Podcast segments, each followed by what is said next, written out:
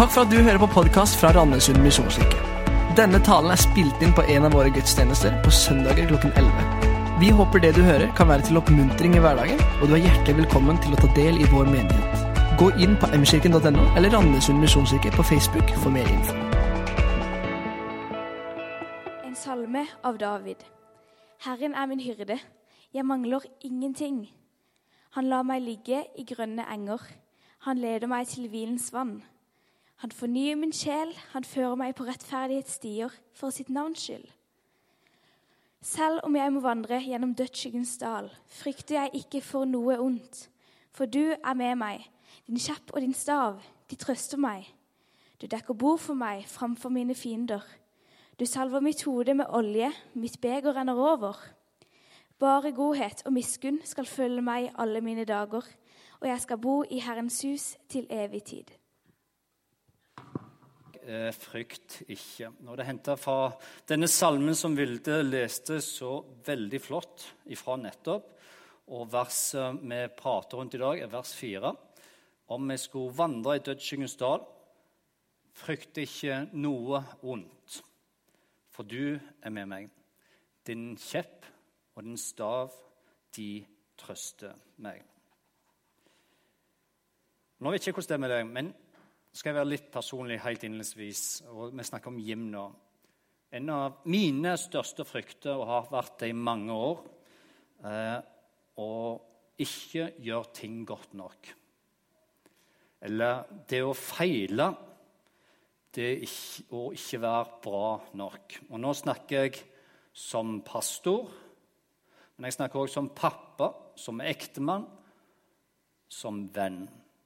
Men som pastor så kan en kjenne på i en menighet der det er mye trøgt og masse som skjer, masse produksjon skal gjøres osv., så, så kan en kjenne på frykten for å feile. En må jo levere, en må jo prestere, en må på et eller annet nivå være god nok, sånn at det trekker folk, sånn at det blir godkjent, sånn at folk kan kjenne at dette er bra. En skal jo vinne nye, og så skal en samtidig ha de som har vært der i mange år, og blidgjøre de. Så en ønsker jo at folk skal ha det bra, en ønsker jo at folk skal være fornøyd. Som pappa så kan en kjenne på at i en tid, i en kultur med masse endringer Barn går gjennom masse faser som jeg nødvendigvis ikke var gjennom som barn sjøl. Så ønsker en å prestere.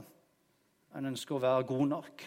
En ønsker å være trygg, en ønsker å kjenne at eh, barna skal vite at de kan komme med alle ting osv. Og, så videre, og så kjenner en noen ganger at en ikke er god nok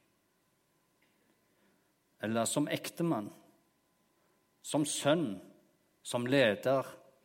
Min, en av mine største frykter er å feile. Ikke være god nok.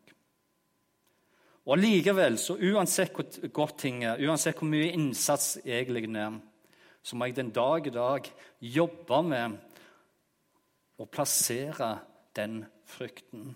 Jeg må lære meg å håndtere redselen, jeg må lære meg å håndtere det å prestere godt nok. Og jeg må si til meg sjøl, både som pastor og som pappa, at vet du hva, Jim, dette er godt. Dette er bra. Så det jeg gjorde i forberedelsen, bare sånn innledningsvis, jeg googla det. altså Når vi snakker om frykt, så googler jeg hva er de største fryktene siden jeg har mine frykter. da, Hva er de største fryktene til Ola Nordmann og sånn generelt over Norge i dag? Og Jeg tok en sånn Google-sjekk og jeg googla på nettet for å finne ut hva er det mennesket frykter mest i Norge i dag. Det som dukket opp som førsteplass, det er utrolig bra for meg, da, det var å tale i forsamlinger, litt større forsamlinger sånn som dette her. Det var liksom topp nummer én. Den største frykten av alt var å tale i forsamlinger som dette.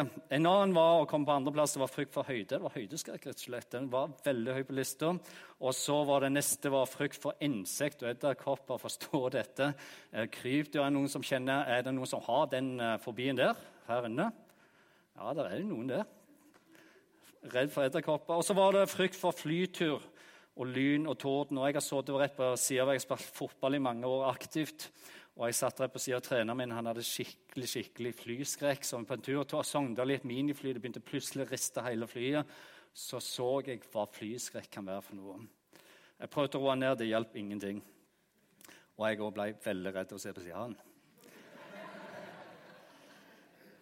Det neste var frykt for mørke og frykt for terror. Men sannheten med alle disse herrene fobiene eller fryktene er jo dette at statistisk sett så her i Norge så er det veldig lite sannsynlig at vi har grunn til å frykte noe av dette i det hele tatt.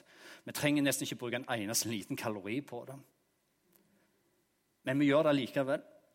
Og selv om vi vet sånn intellektuelt at dette er ikke, er, det er ikke en prosentsjanse i det hele tatt for at dette skal gå galt, og i hvert fall ikke med edderkopper, så springer folk allikevel som galne, og de skriker i hvert fall hjemme hos meg nede i kjelleren hvis dere hører en edderkopp. En forstår liksom en gang hva som skjer. For de skriker som en illsint okse var på vei etter de gjennom gangen sant? Her for noen år siden så fikk jeg besøk fra noen gode venner fra Amerika. Det var i forbindelse med at de var på ferie. Det var noen som venner vi har fått kontakt med i løpet av noen år. Vi har reist og besøkt de og vært i menigheten der, og de kom til besøk til oss um, i menigheten vår. Og når de kom da på ferie, så var et av deres største ønsker at de skulle få lov til å se Preikestolen. Uh, er det noen som har vært på Preikestolen her? Veldig bra. Det er ganske høyt. Det er 604 meter rett ned. Og um, Spørsmålet er jo er det noen som har ligget på kanten og sett over kanten. Er det noen der? Ja, det er faktisk det. Det var utrolig imponerende. I Lyngdal så er ingen som tør det der. Så det kommet litt lenger her. Men er det noen som har sittet på kanten, da? Nei, tuller du med meg? Er det noen som står på hendene på kanten? Ingen? Nei, det er bra. Det har ikke jeg heller gjort. Men greia greier det, det er 306, nei, 604 eh, meter, det er rett ned. Og det er én ting å være på platå og komme opp på platået når Jim er alene der oppe. En helt annen ting denne dagen vi tok med disse amerikanerne. Jeg tok med familien min og tre barn oppå der. Sant? Ja, veldig bra. Fordi greia når du er alene, da har du stort sett kontrollen. Du kan liksom lene deg helt inntil veggen og bare stå bak der. Du trenger liksom ikke gå de 20 meterne fram på kanten. der. Du kan stå der bak. Jeg griller mens dere går der framme.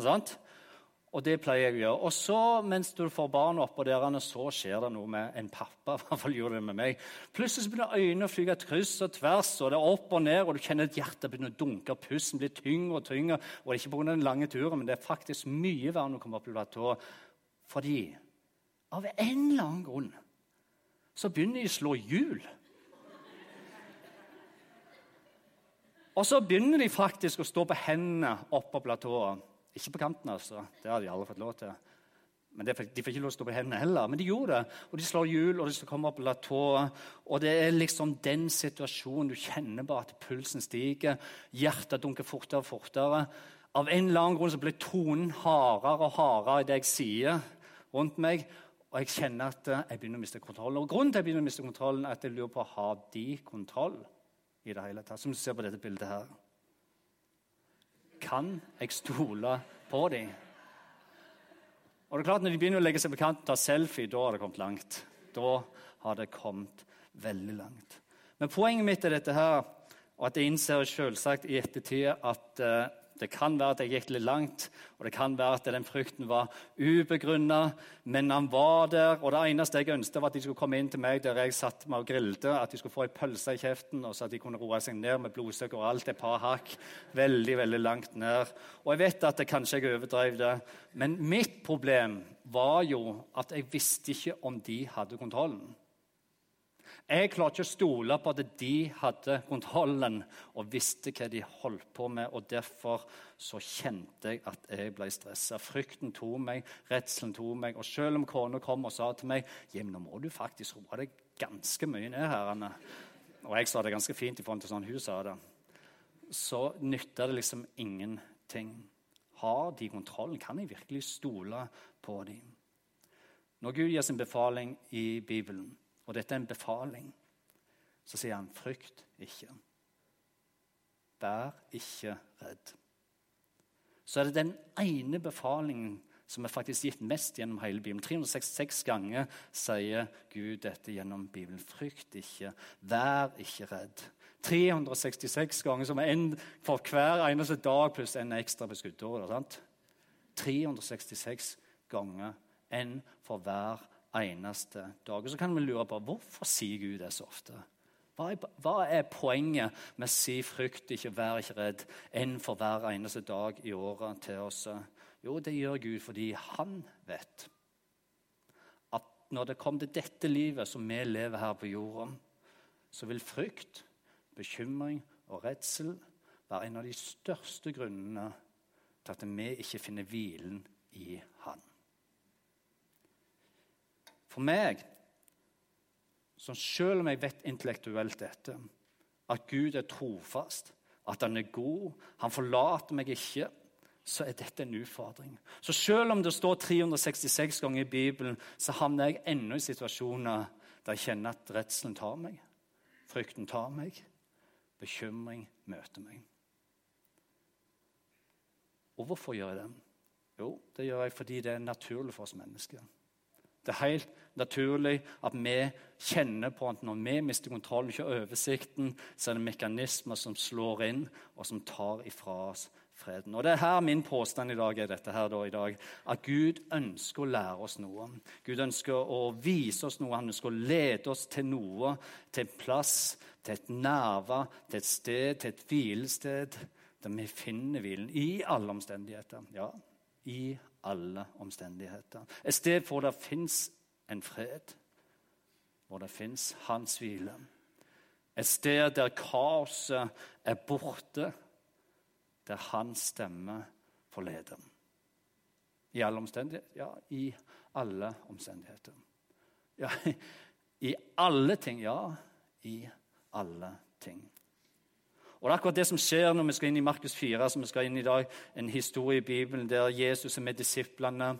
og De er ute på sjøen, og det er sannheten her at Nå begynner det mer og mer mennesker å følge etter Jesus. Du leser liksom, du kommer ut i evangeliet, og så ser du bare mer og mer, mennesker begynner å henge seg på Jesus. Det er noe interessant med Jesus, det er noe bra med Jesus, det er noe han gir. Det er noe han, den opplevelse å bare være sammen med Jesus. Hva kommer neste gang, liksom? Hva er det som skjer? For noe skjer rundt Jesus. og Mer og mer mennesker følger etter Jesus. Og det er her og vi skal inn i historien der han er ferdig med å undervise en stor folkemengde. Og Markus 4 sier dette her. Samme dag, da det ble kveld, så sa han til dem La oss sette over på den andre sida av sjøen. De lot da folkmenn bli igjen og tok ham med seg i båten der han satt. Også andre båter fulgte med. så vi ser at det var mer folk her. Og så fortsetter det, så står dette her. Plutselig da kom det en voldsom virvelstorm. Og bølgene slo inn i båten så han holdt på å fylles. Altså Båten holder på å fylles. Det er enorme krefter i sving. Masse vann kom inn i båten. Jesus var jo han. Og Jesus han lå og sov på ei pute bak i båten. De vekket ham og sa til ham, 'Mester, bryr du deg ikke om jeg går unna?' Og bare sånn at vi har med oss eh, det er gjort noen undersøkelser på dette her med Genesaretsjøen som Jesus' disiplene var ute på. Det ligger ca. 209 meter under havets overflate. Det er den eh, laveste ferskvannsinnsjøen vi har eh, på jorda. Og greia er her at eh, det ligger ned et dalsøkk. Så det er veldig vanlig at når vindene kommer inn over denne sjøen, her de kommer ned igjennom, så kan været snu på noen få minutter en dag i dag. Så det var ikke sånn uvanlig at stormen plutselig kom. Det var ganske vanlig det kunne skje. Og Det var akkurat det som skjedde denne kvelden denne natta når disiplene vekker Jesus. Det nærmet seg natta, og plutselig kom stormen og vinden, og det drar inn i båten. og Båten fylles. Frykten tar, redselen kommer, bekymringen disiplene. Den lyser liksom gjennom øynene på dem, gjennom kroppene deres, gjennom handlingene deres. Og midt oppi alt det som skjer, av en eller annen grunn så ligger Jesus Og hva gjør han? Jo, han ligger på ei pute. Den detaljen der greier å få med. liksom Det er en pute, og der ligger han og sover. Så i panikk og i redsel så vekker det han. 'Mester!' Bryr du deg ikke? Ser du ikke oss? Ser du ikke hva som skjer, hva vi går igjennom? Mester, bryr du deg ikke? Hvordan kan du sove mens vi holder på å drukne? Men grunnen til Jesus sov ennå Grunnen til at Jesus kunne sove, var at han visste noe som disiplene ikke visste. Grunnen til Jesus sov, var at han visste at inni denne båten inni denne båten var det en person og en kraft til stede som var mye sterkere enn det som var vondt. Og det er også derfor det videre står dette her, så står det dette her. Når Jesus ble vekt, så reiste han seg. Han trua vinden og sa til sjøen, 'Stille, vær rolig.' Vinden la seg, og det ble blikk stille. Så sa han til dem etterpå, 'Hvorfor er dere så redde?' Hvorfor er dere så redde? Og det er ikke det at jeg ikke forstår redselen deres, eller vi ikke forstår redselen. Tingen er at Vi forstår jo kreftene som er i sving rundt en storm. Vi kan bare spole noen uker tilbake. Vi har jo dette i Norge. sant? Vi vet at storm og kraftig vind det er farlige greier. En skal ha respekt for det. Så en forstår at disiplene har respekt for stormen. Men forstår vi hvilken kraft som er i Jesus?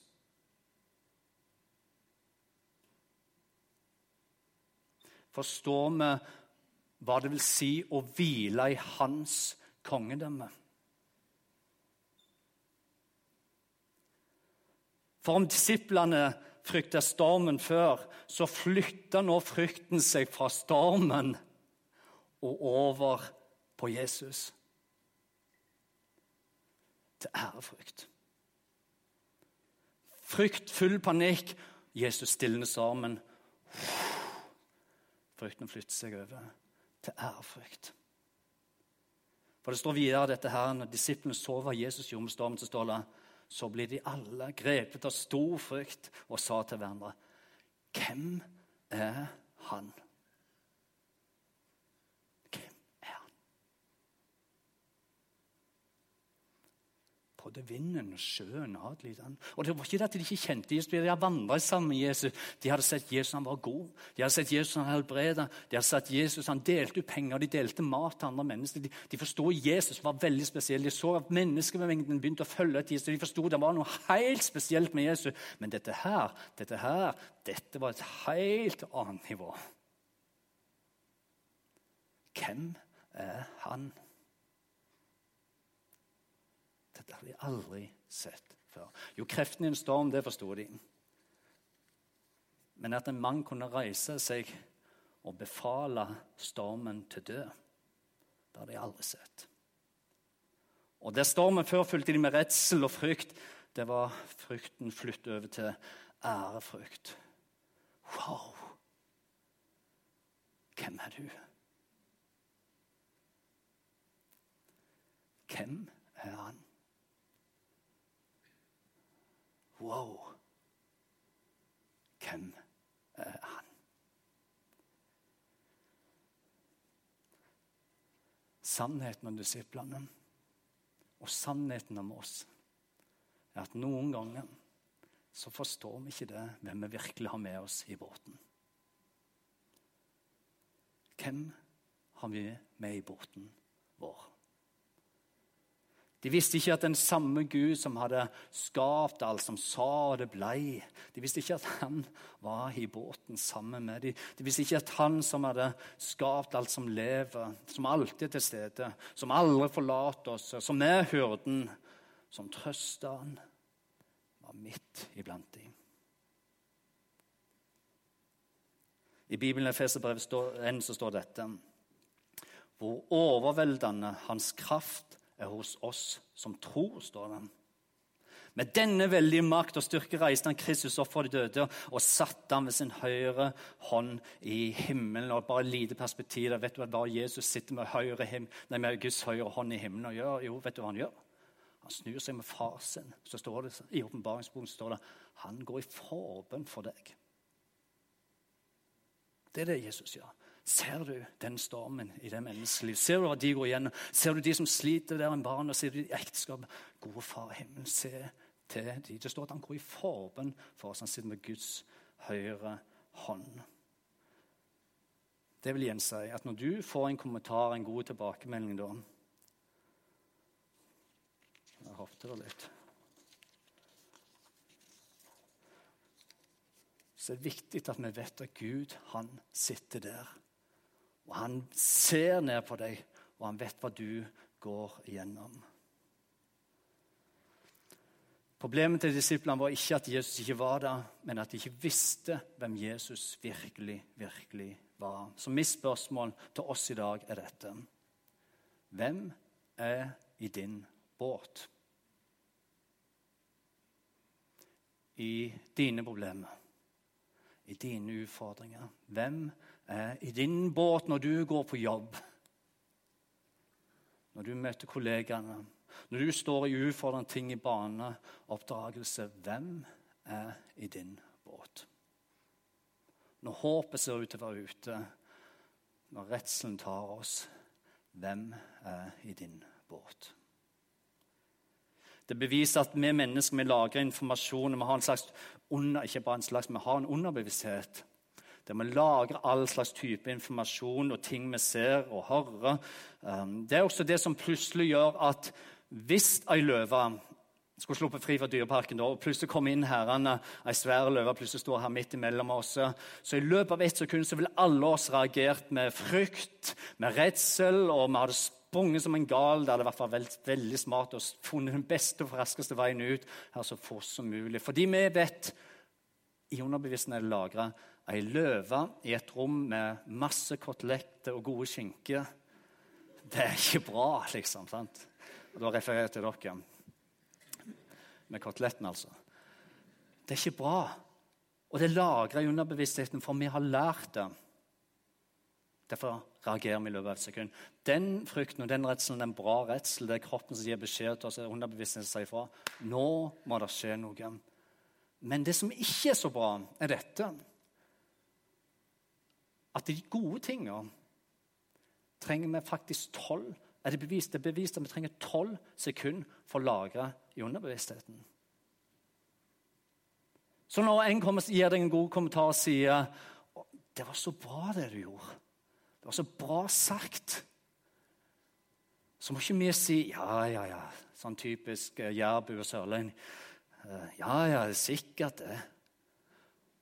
For Hvis vi ikke dveler med det som ble sagt oss, og dette, dette er bevist, det er ikke bare Jimstad, dette er bevist. Hvis ikke vi dveler med det og faktisk tar det til oss og bruker tolv sekunder på å dvele på det, så lagres det ikke i underbevisstheten. At du er faktisk flink. Du er god med det. Det var bra at du gjorde det. Eller hvis noen kommer og sier til Jim å, Jim, du, så, du var så fin på håret i dag. En kommentar jeg hører ofte. da, sant? Hvis ikke jeg liksom tar det litt til meg på en måte, og vifter litt på håret neste gang jeg ser en person som sa det, bruker tolv sekunder, så vil det ikke lagres i underbevisstheten. Mens de negative kommentarene det tar ett sekund, Bom! så fester de seg. Og mitt poeng er det og Når jeg sier tolv sekunder, det er liksom Kanskje sørlendingene trenger 15 på en måte, og Jærbuen 17. Men det er utrolig viktig at vi tillater oss sjøl å ta en timeout. Hva, hva når, når, Bibelen sier 'du er skapt i mitt bilde'? Tar du tolv sekunder på det?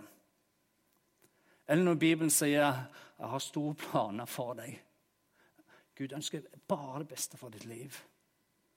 Tar du tolv sekunder på det? Hva betyr det for deg? Eller når du ser ei kirke som der som fylles opp, og som har masse ungdom som bare tweens bare osv. Det går an å ta tolv sekunder for å forstå Kjære Gud, så velsigner jeg. For det er ikke normalt nasjonalt, det.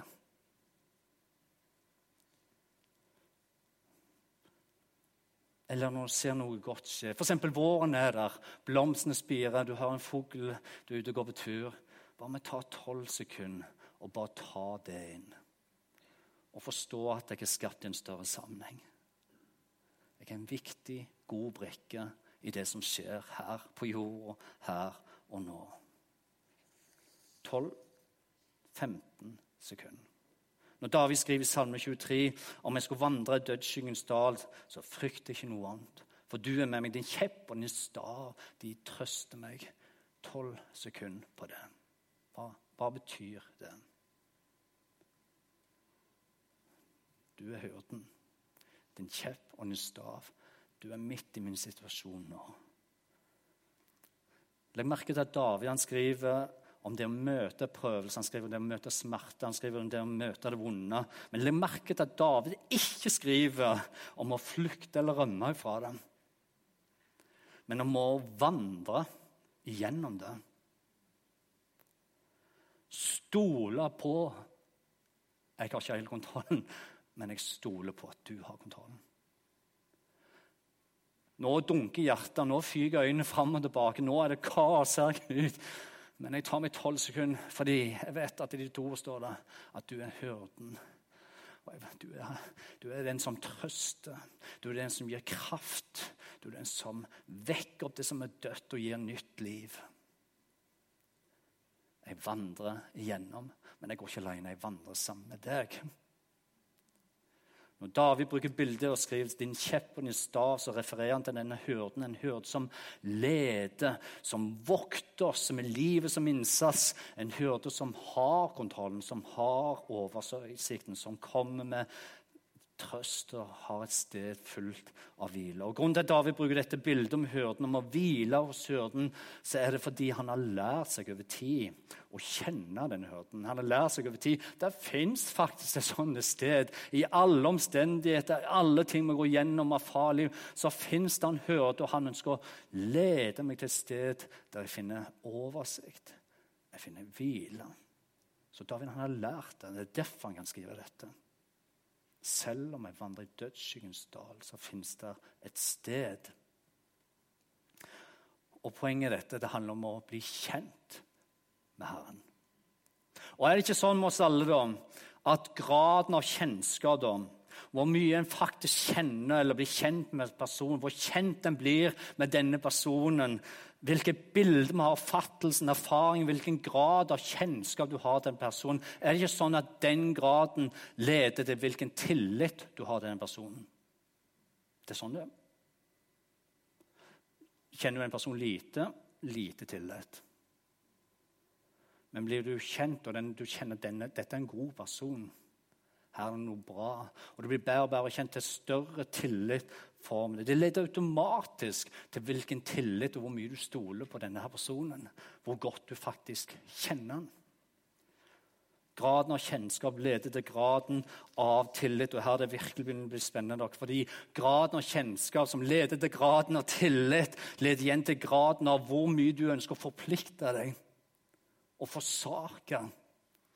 Overgi deg til den personen. Som igjen betyr at om du ikke kjenner en person så godt, så vil du heller ikke være lett å forplikte seg til den personen. Det vil heller ikke være lett å stole eller overgi seg til den personen. For det er først når overgivelsen er når en overgir oss, sånn som David gjør i Salme 23, i det vi stoler på Gud, også i prøvelsene og fortsetter å søke Han, at vi kommer til graden av åpenbaring eller oppdagelse av hvem han virkelig er. Med andre ord det er her det umulige faktisk blir mulig. Det er her vi ser han reise seg og stoppe. Det er her kunnskap og ord blir til livet. Det er her Gud viser sitt sanne ansikt og leder oss til et dypere stadium. Jeg er Herren din. Og Det er også dette disiplene erfarer på Genesaretsjøen den natta. her, Idet de ser Jesus han reiser seg, og så stilner han stormen, og de fylles av værfrykt og sier Wow! Åpenbar oppdagelse av hvem han virkelig er. I 1. Peters brev 4 så står dette her. Mine kjære, vær ikke forundra over den ildprøven dere må gå gjennom. Som om det henter dere noe uventa. Gled dere jo mer dere får del i Kristi lidelse, så dere også kan juble i gleden når Han åpenbarer seg i sin herlighet, står det. Salig eller velsigna er dere når dere blir spotta for Kristi navns skyld. For Guds ånd, herlighetens ånd, hva gjør den? Den hviler over deg. Og nå vet jeg om du kjenner deg igjen i dette, her, men vet du hva det vanligste bønnen vi ber, i hvert fall jeg ber når vi møter utfordringer, og jeg møter utfordringer og ubehageligheter, det er dette. Gud, please ta dette bort. La meg slippe. Hvorfor meg, Gud? Av alle. Hvorfor meg? Og Det er ikke unaturlig for oss å be den bønnen, for ingen av oss ønsker i utgangspunktet prøvelse. Vi ønsker ikke ildprøve, vi ønsker ikke vonde ting eller vanskelige ting i livet vårt. Vi ønsker ikke å miste kontrollen. Vi ønsker å ha kontroll. Så vi ber Gud, please ta det bort ifra meg. Og Jeg sier ikke at det er feil å be om det. Det er naturlig å be om det. Men det jeg tror Jesus virkelig ønsker for vårt liv, at vi skal lære oss å stole på Gud også i de fasene der. I alle situasjoner. Komme dypere, ta en timeout i vår bønneliv, i vår relasjon til Han, slik at vi lærer oss å hvile i Hans fred. Joni Tada, som er forfatter som har skrevet utallige kristne bøker, skriver dette her. Når livet er rosenrødt, da klarer vi oss med å vite om Jesus. Det er greit å vite om Jesus når livet er rosenrødt. Så skriver vi videre med å invitere han, vi siterer han, vi taler om han. Men det er først når prøvelsene er der, og i lidelsene, at vi lærer Jesus å kjenne. Det Bibelen viser oss, at prøvelser kan være til det gode. Stormer kan være til det gode. Og jeg vet for at noen her inne så kan det høres veldig provoserende ut når jeg sier det. Og kanskje noe av grunnen til det er så provoserende er fordi det du står i, er så tøft. Ja, det er så tøft. Vanskelig og krevende. Da er det ekstra viktig å vite at det fins en hyrde som ikke bare hørte når vi er gode lesere, når vi er gode be, eller vi er gode å gå på gudstjeneste, som står i lovsang. Nei, han hørte. Om du ikke klarer å be, om du ikke orker å lese, om du ikke orker å være til stede på gudstjenestene, så han hørte for det. Jakobs brev 1,12 sier dette. Salig eller velsigna er det mennesket som har det komfortabelt. Nei, nei, nei. Det er feil. Salige mennesker som har et liv som er bare helt fantastisk. Nei, nei. Nei, Salige er det som aldri må ta tak i noen ting og ta ansvar, men som bare kan vende seg der vinden blåser. Nei, det står ikke det.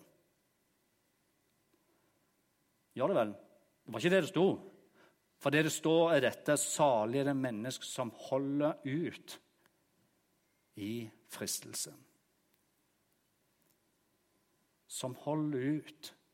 Hvorfor? Jo, for når det har stått sin prøve, hva skal han da få? De skal få sin seierskrans.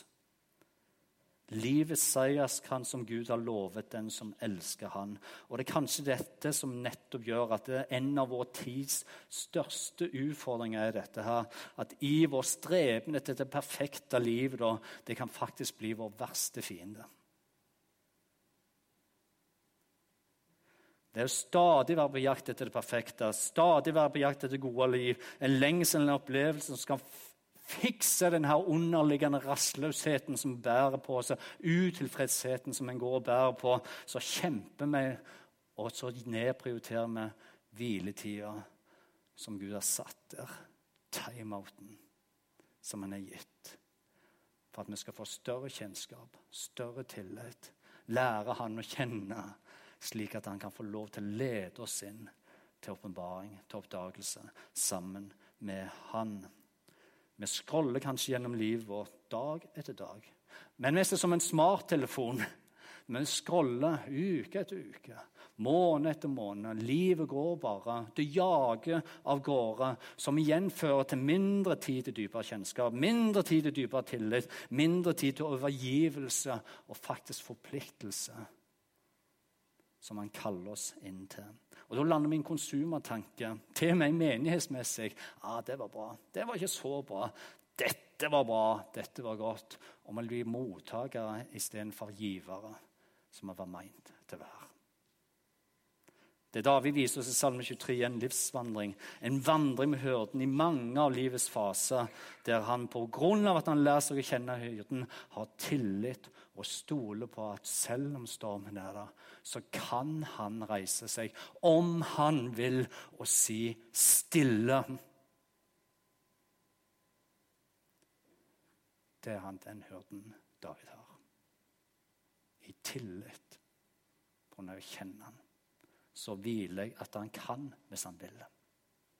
Thomas Judin skriver en bok som er veldig bra, så jeg vil anbefale å lese om du ikke har lest det. En bok som heter 'Mye man ikke må'. Han skriver dette.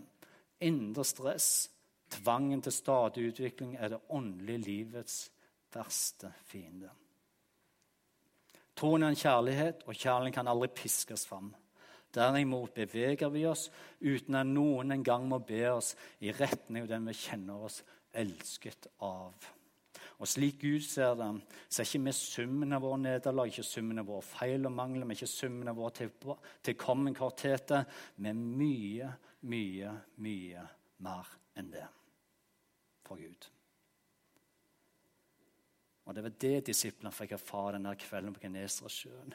Vi er mennesker som er i støpeskjei, som leiren i pottemakerens hender. Vi formes og dannes vi gjennom prøvelser, gjennom frykten vår, så kan vi få lov å lære oss å stole på Gud. Og Det er det de fikk lov til å lære. Vi må bare holde ut. Vi må ikke gi opp. Vi må holde ut. Bli værende. Bli værende. Spørsmålet Hvem har du med i din båt? I din livsbåt. Hvem er han for deg? Hvem er han for deg? Det Bibelen viser oss, at en dag skal alle mennesker møte Jesus. Om vi vil det eller ikke, så skal alle mennesker en dag møte Jesus. Og Da vil Jesus Kristus reise seg fra denne tronen som han sitter på høyre side av Gud, der han har gått i forbund for alle mennesker. Hver eneste dag så vil han reise seg fra den tronen, og alle menneskene er der. når det står beskrevet i Bibelen. Og Når han reiser seg den dagen i all makt og all prakt, så vil alle mennesker, om de vil eller ikke, falle i kne for han, i ærefrykt for han.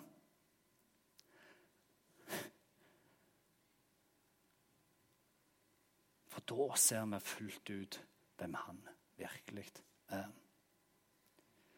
Troen er en kjærlighet, og kjærligheten kan aldri piskes fram. Derimot beveger vi oss uten en gang å be om det, i retning av den vi kjenner oss elska av. Vår kjennskap til Han leder til vår tillit til Han. Sønnen viser vår overgivelse til Han, slik at Han får lov til å åpenbare seg gjennom vår overgivelse hvem Han virkelig er. Ja, jeg er hyrden din. Jeg er Han som kan reise meg opp og si stille. Jeg er Han som gir nytt liv. Jeg er Han som tar bort det som er sårt, og skaper et nytt ekteskap. Jeg er han som går inn i det som er ufordrende med barn, og kan helbrede. Kom, hvil i meg. La meg få ta kampen. Vær du stille, og la meg få ta kampen. Han er trofast. Han ber deg, hold ut. Gi ikke opp, men la meg få ta din kamp. Amen. Skal vi be sammen til slutt? Gode Far i himmelen, vi bare ønsker å takke deg, her for at uh, gjennom ditt ord, Herre, fra de første sidene og, og, Det kan være mange ting som er vanskelig når vi leser ditt ord, mange ting vi ikke forstår, Herre, fullt ut. Men det er en rød tråd som er sånn at du er en god far som elsker dine barn. Som ønsker bare det beste for dine barn. Og Så lever vi i tid og en kultur Herre, der vi kjenner at ja, det er en del ting vi ikke forstår. Det er noe pga. kulturen krasjer imot det som du beskriver som kjærlighet og det å elske. Takk, Herre, for forsakelse og forpliktelse. Takk, Herre, for å komme dypere i relasjon med deg. Og så ber jeg for oss alle her inne som er her nå, som kjenner at dette ordet det treffer oss, Herre. Det rører hjertene våre. Må det ikke bare bli et ord som rører, men la det bringe den frykt det var meint å bringe, Herre. I Jesu Kristi navn. Du vet du hva, Mens vi sitter her med lukka øynene, så av og til Lyngdal, Jeg vet ikke hvordan dere gjør det her, faktisk, men bare sitt med lukka øynene i bare i noen få sekunder. Hvis du er her og du kjenner vet du hva, dette her var et ord til min situasjon Det er noe som jeg sliter med. Vi skal ikke gå detaljert, men hvis du kjenner dette, Gud, var til meg Hvis du ønsker å rette opp hånda Dette gjør vi av og til i Lyngdal. Så har jeg tro på en sånn bekjennelse. Så skal jeg be spesielt for deg. Jeg vil kjenne at dette var til meg. Gud velsigne deg, Bodø. Kjempeflott. Gud velsigne deg. Gud velsigne dere. Gud velsigne dere. God Far himmel, du ser disse som retter opp her, som du møter nå med din ånd. Så ber vi, Far, om at du må, du må få hvile det her, at du, du har kontrollen. Du ser situasjonen. Du vet hva det dreier seg om. Og du kommer ikke med pekefinger, du kommer ikke med krav, men du kommer med en underliggende kjærlighetsstrøm til deres liv og deres situasjoner, Herre. La de få kjenne og vite hvem de har med seg i sin båt. En far som elsker dem, som ønsker bare det beste for deres liv. I Jesu Kristi navn. Amen.